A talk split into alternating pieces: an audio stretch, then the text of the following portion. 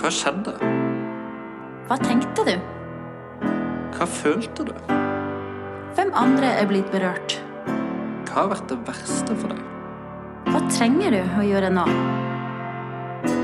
Dette er spørsmålene som stilles i det vi kaller gjenopprettende prosess. Jeg heter Gro Jørgensen og er informasjonssjef for konfliktrådene i Norge. I Konfliktrådspodden forteller vi deg om det som skjer i meklingsrommet. Ansikt til ansikt møtes de som har noe uoppgjort seg imellom. I dag har jeg med meg Mette Lunde, som virkelig har opplevd hva gjenopprettende prosess kan bety for å bli kvitt noe av det som kan tynge deg så mye at det går utover hverdagen og livet ditt. Ja, det stemmer. Møtet mitt med konfliktrådet, der jeg fikk muligheten til å møte han som drepte pappaen min, har gjort voldsomme endringer for meg.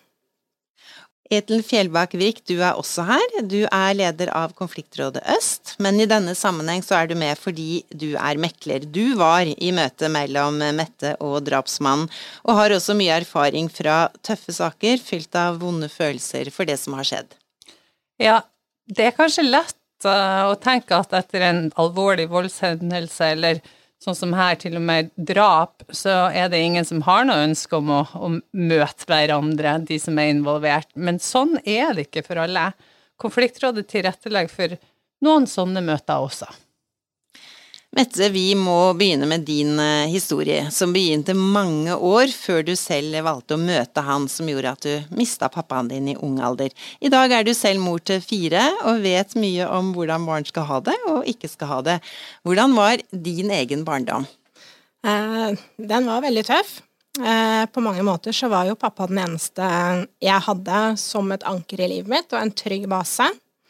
Selv om jeg mange ganger i voksen alder har tenkt at han er nok ikke den første jeg ville ringt til for barnevakt om han hadde vært i live i dag. Eh, men den gangen så var han en god pappa og en trygg base.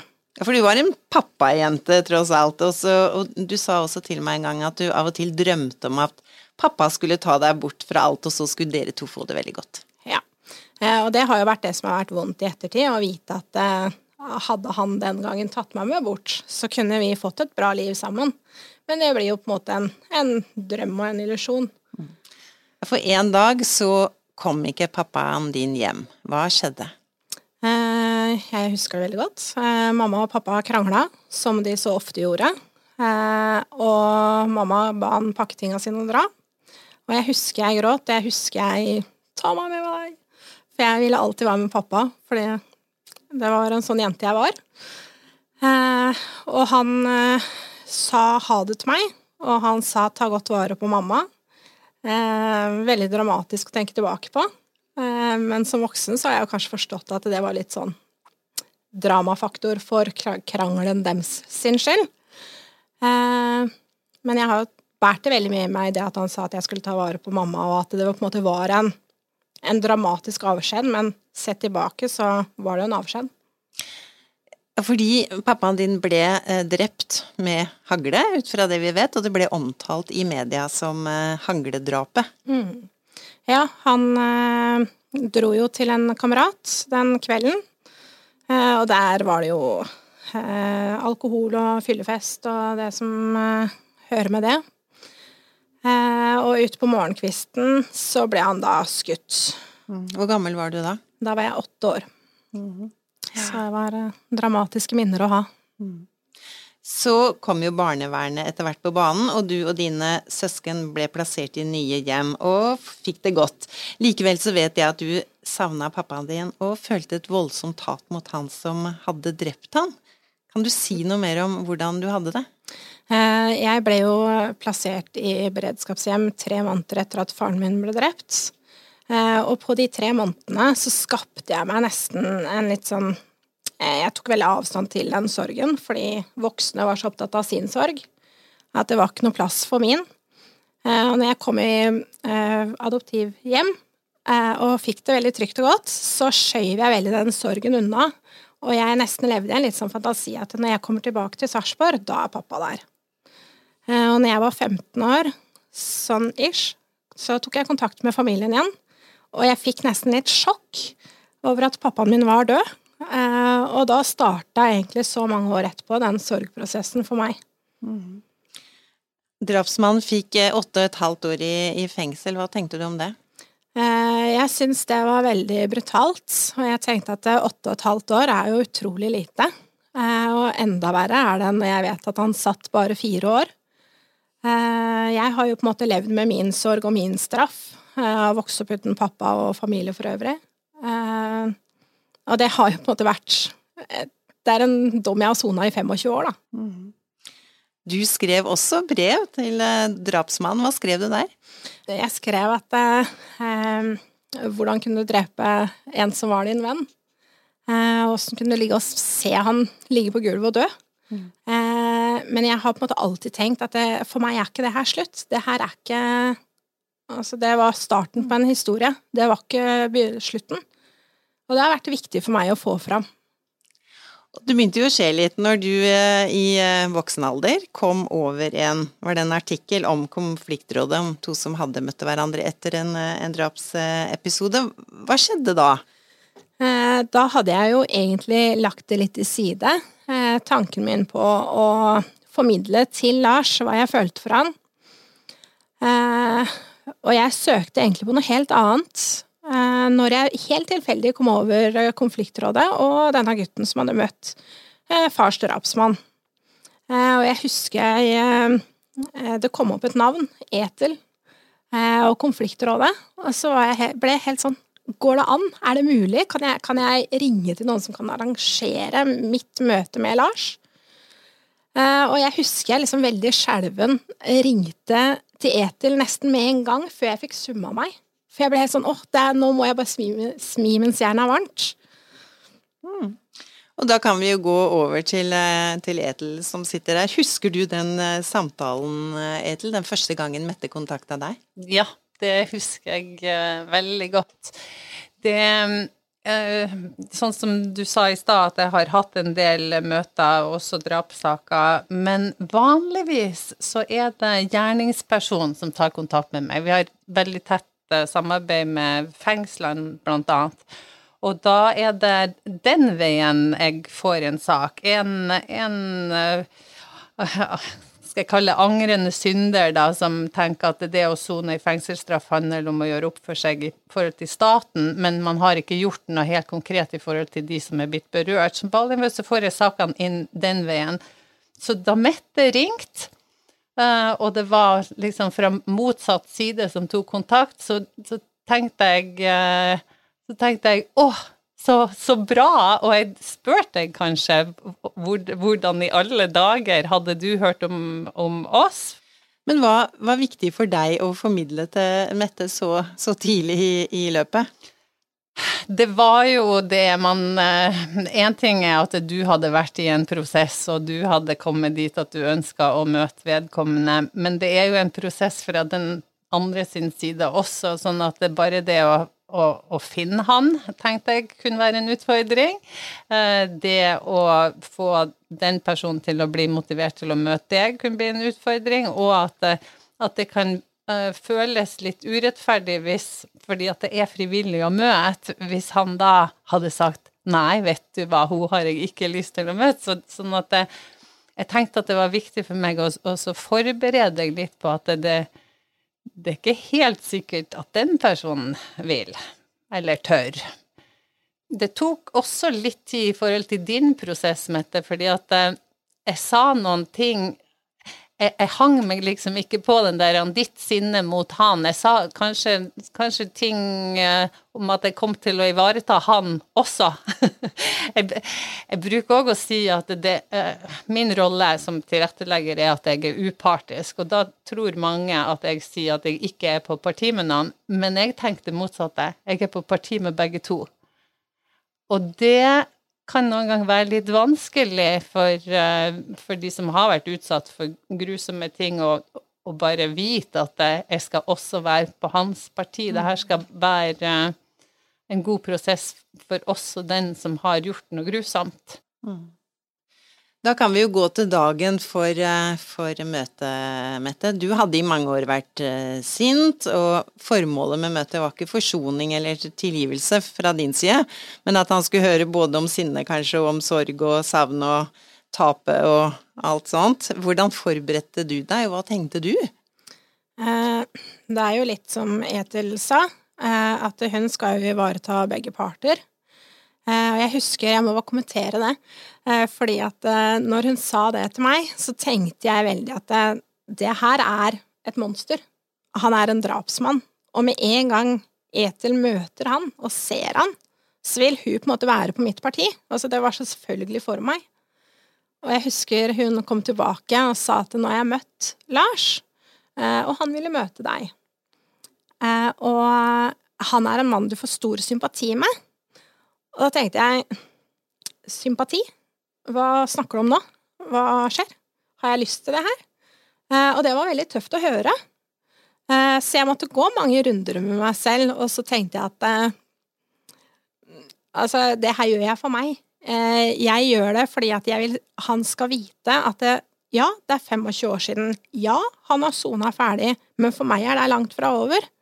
Jeg hadde lyst til å vise ham bilde av barna mine si det her er barna som sitter uten bestefar.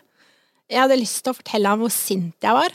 At uh, altså, ja, jeg, hadde, jeg, hadde, lyst til å skade han, da. Mm. Psykisk. Men uh, hvordan reagerte du når du kom inn på rommet og fikk uh, hilse på han? Um, jeg, det er litt vanskelig å forklare. Det var så surrealistisk følelse når jeg gikk inn dit, og jeg visste han satt og venta. Og Etel møtte meg jo på gangen. Uh, og vi gikk, og jeg fikk litt sånn dead man walking-følelse, nesten. Og jeg tenkte, hva, hva, driver du med, er det her riktig, har jeg tenkt godt nok gjennom det her? Og så kommer jeg inn, og så ser jeg et bart hode og slitte klær. Og så ser jeg han sitte der som en sånn kjempeliten, skjør, forskremt mann. Og da tenkte jeg, «Eh, er du et monster? Er det deg jeg har vært så redd for at skal komme krypende gjennom mørket og ta meg? Ja, for det er litt, ikke sant eh, Man har bygd han opp til å være et monster i, i så mange år, da. Alt sinnet jeg har følt, det har vært bunna med Lars. Alt, på en måte, alle, alle mine vonde historier starter med Lars. Og da var det veldig rart å se han sitte der som en sånn liten, sliten mann. Mm. Vi sier i konfliktrådet at uh, i sånne møter så kan det være spørsmål som bare gjerningspersonen kan gi deg svar på. Var det sånn for deg? Uh, jeg hadde veldig behov for å vite hva som hadde skjedd. Um, og jeg, jeg, har lest i forkant uh, rapporter som Kripo har skrevet om hva som skjedde på drapstidspunktet. Eh, så jeg var veldig forberedt, og jeg måte Så langt det går an å vite fakta, så visste jeg det. Eh, men jeg hadde veldig lyst til å høre hans historie. Åssen skyter du en venn? Det, og han kjente jo oss barna, han kjente moren min, altså han, han var en venn. Hvordan, hvordan, dreper du en venn? Eh, og han forklarte mens han satt der, to forskjellige historier eh, som begge sprika. Eh, og etter eh, møte med Lars, så snakka jeg og Etil sammen, og da forklarte hun meg at eh, Eller vi snakka en del om hva er hans virkelighet, da? Hva er den virkeligheten han har lagd seg i 25 år for å klare å se seg i speilet og stå opp hver morgen, da?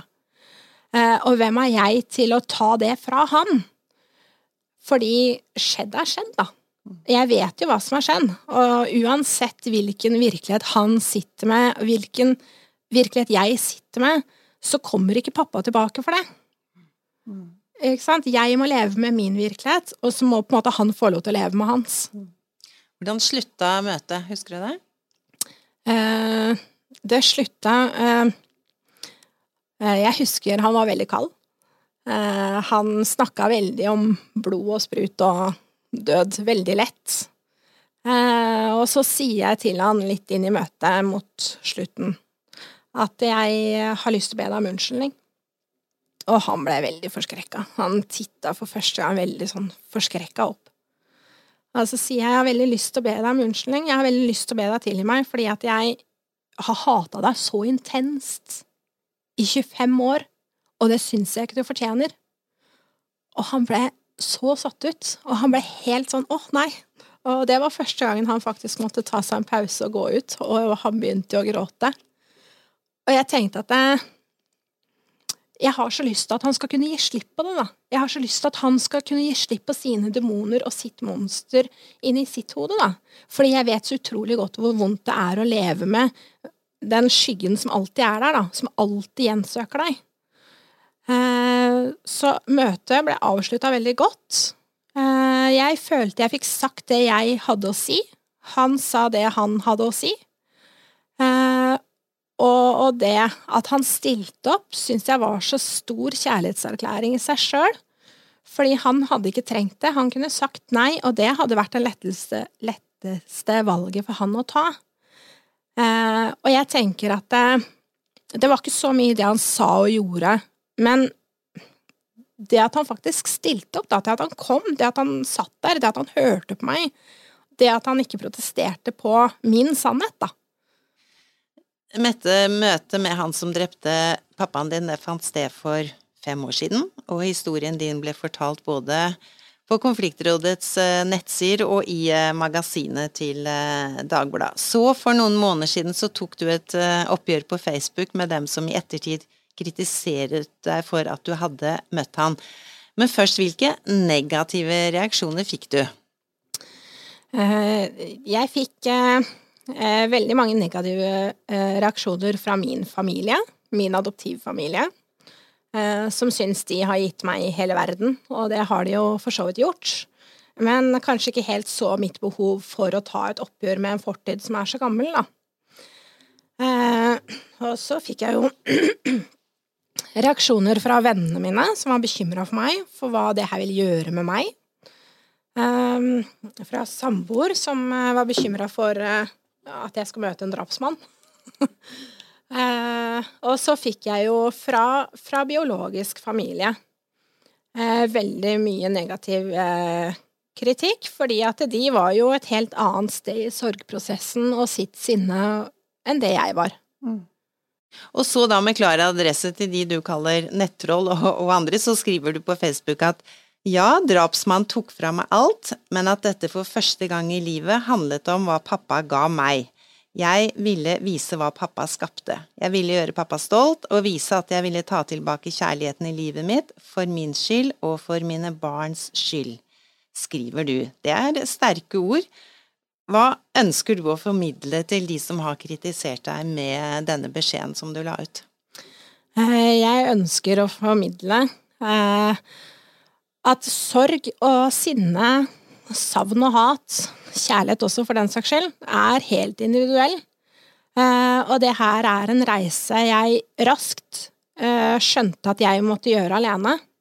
Eh, og konfliktrådets og Etels støtte ble nøkkelen for min suksess i, i den historia og den reisa jeg har tatt i forhold til Lars.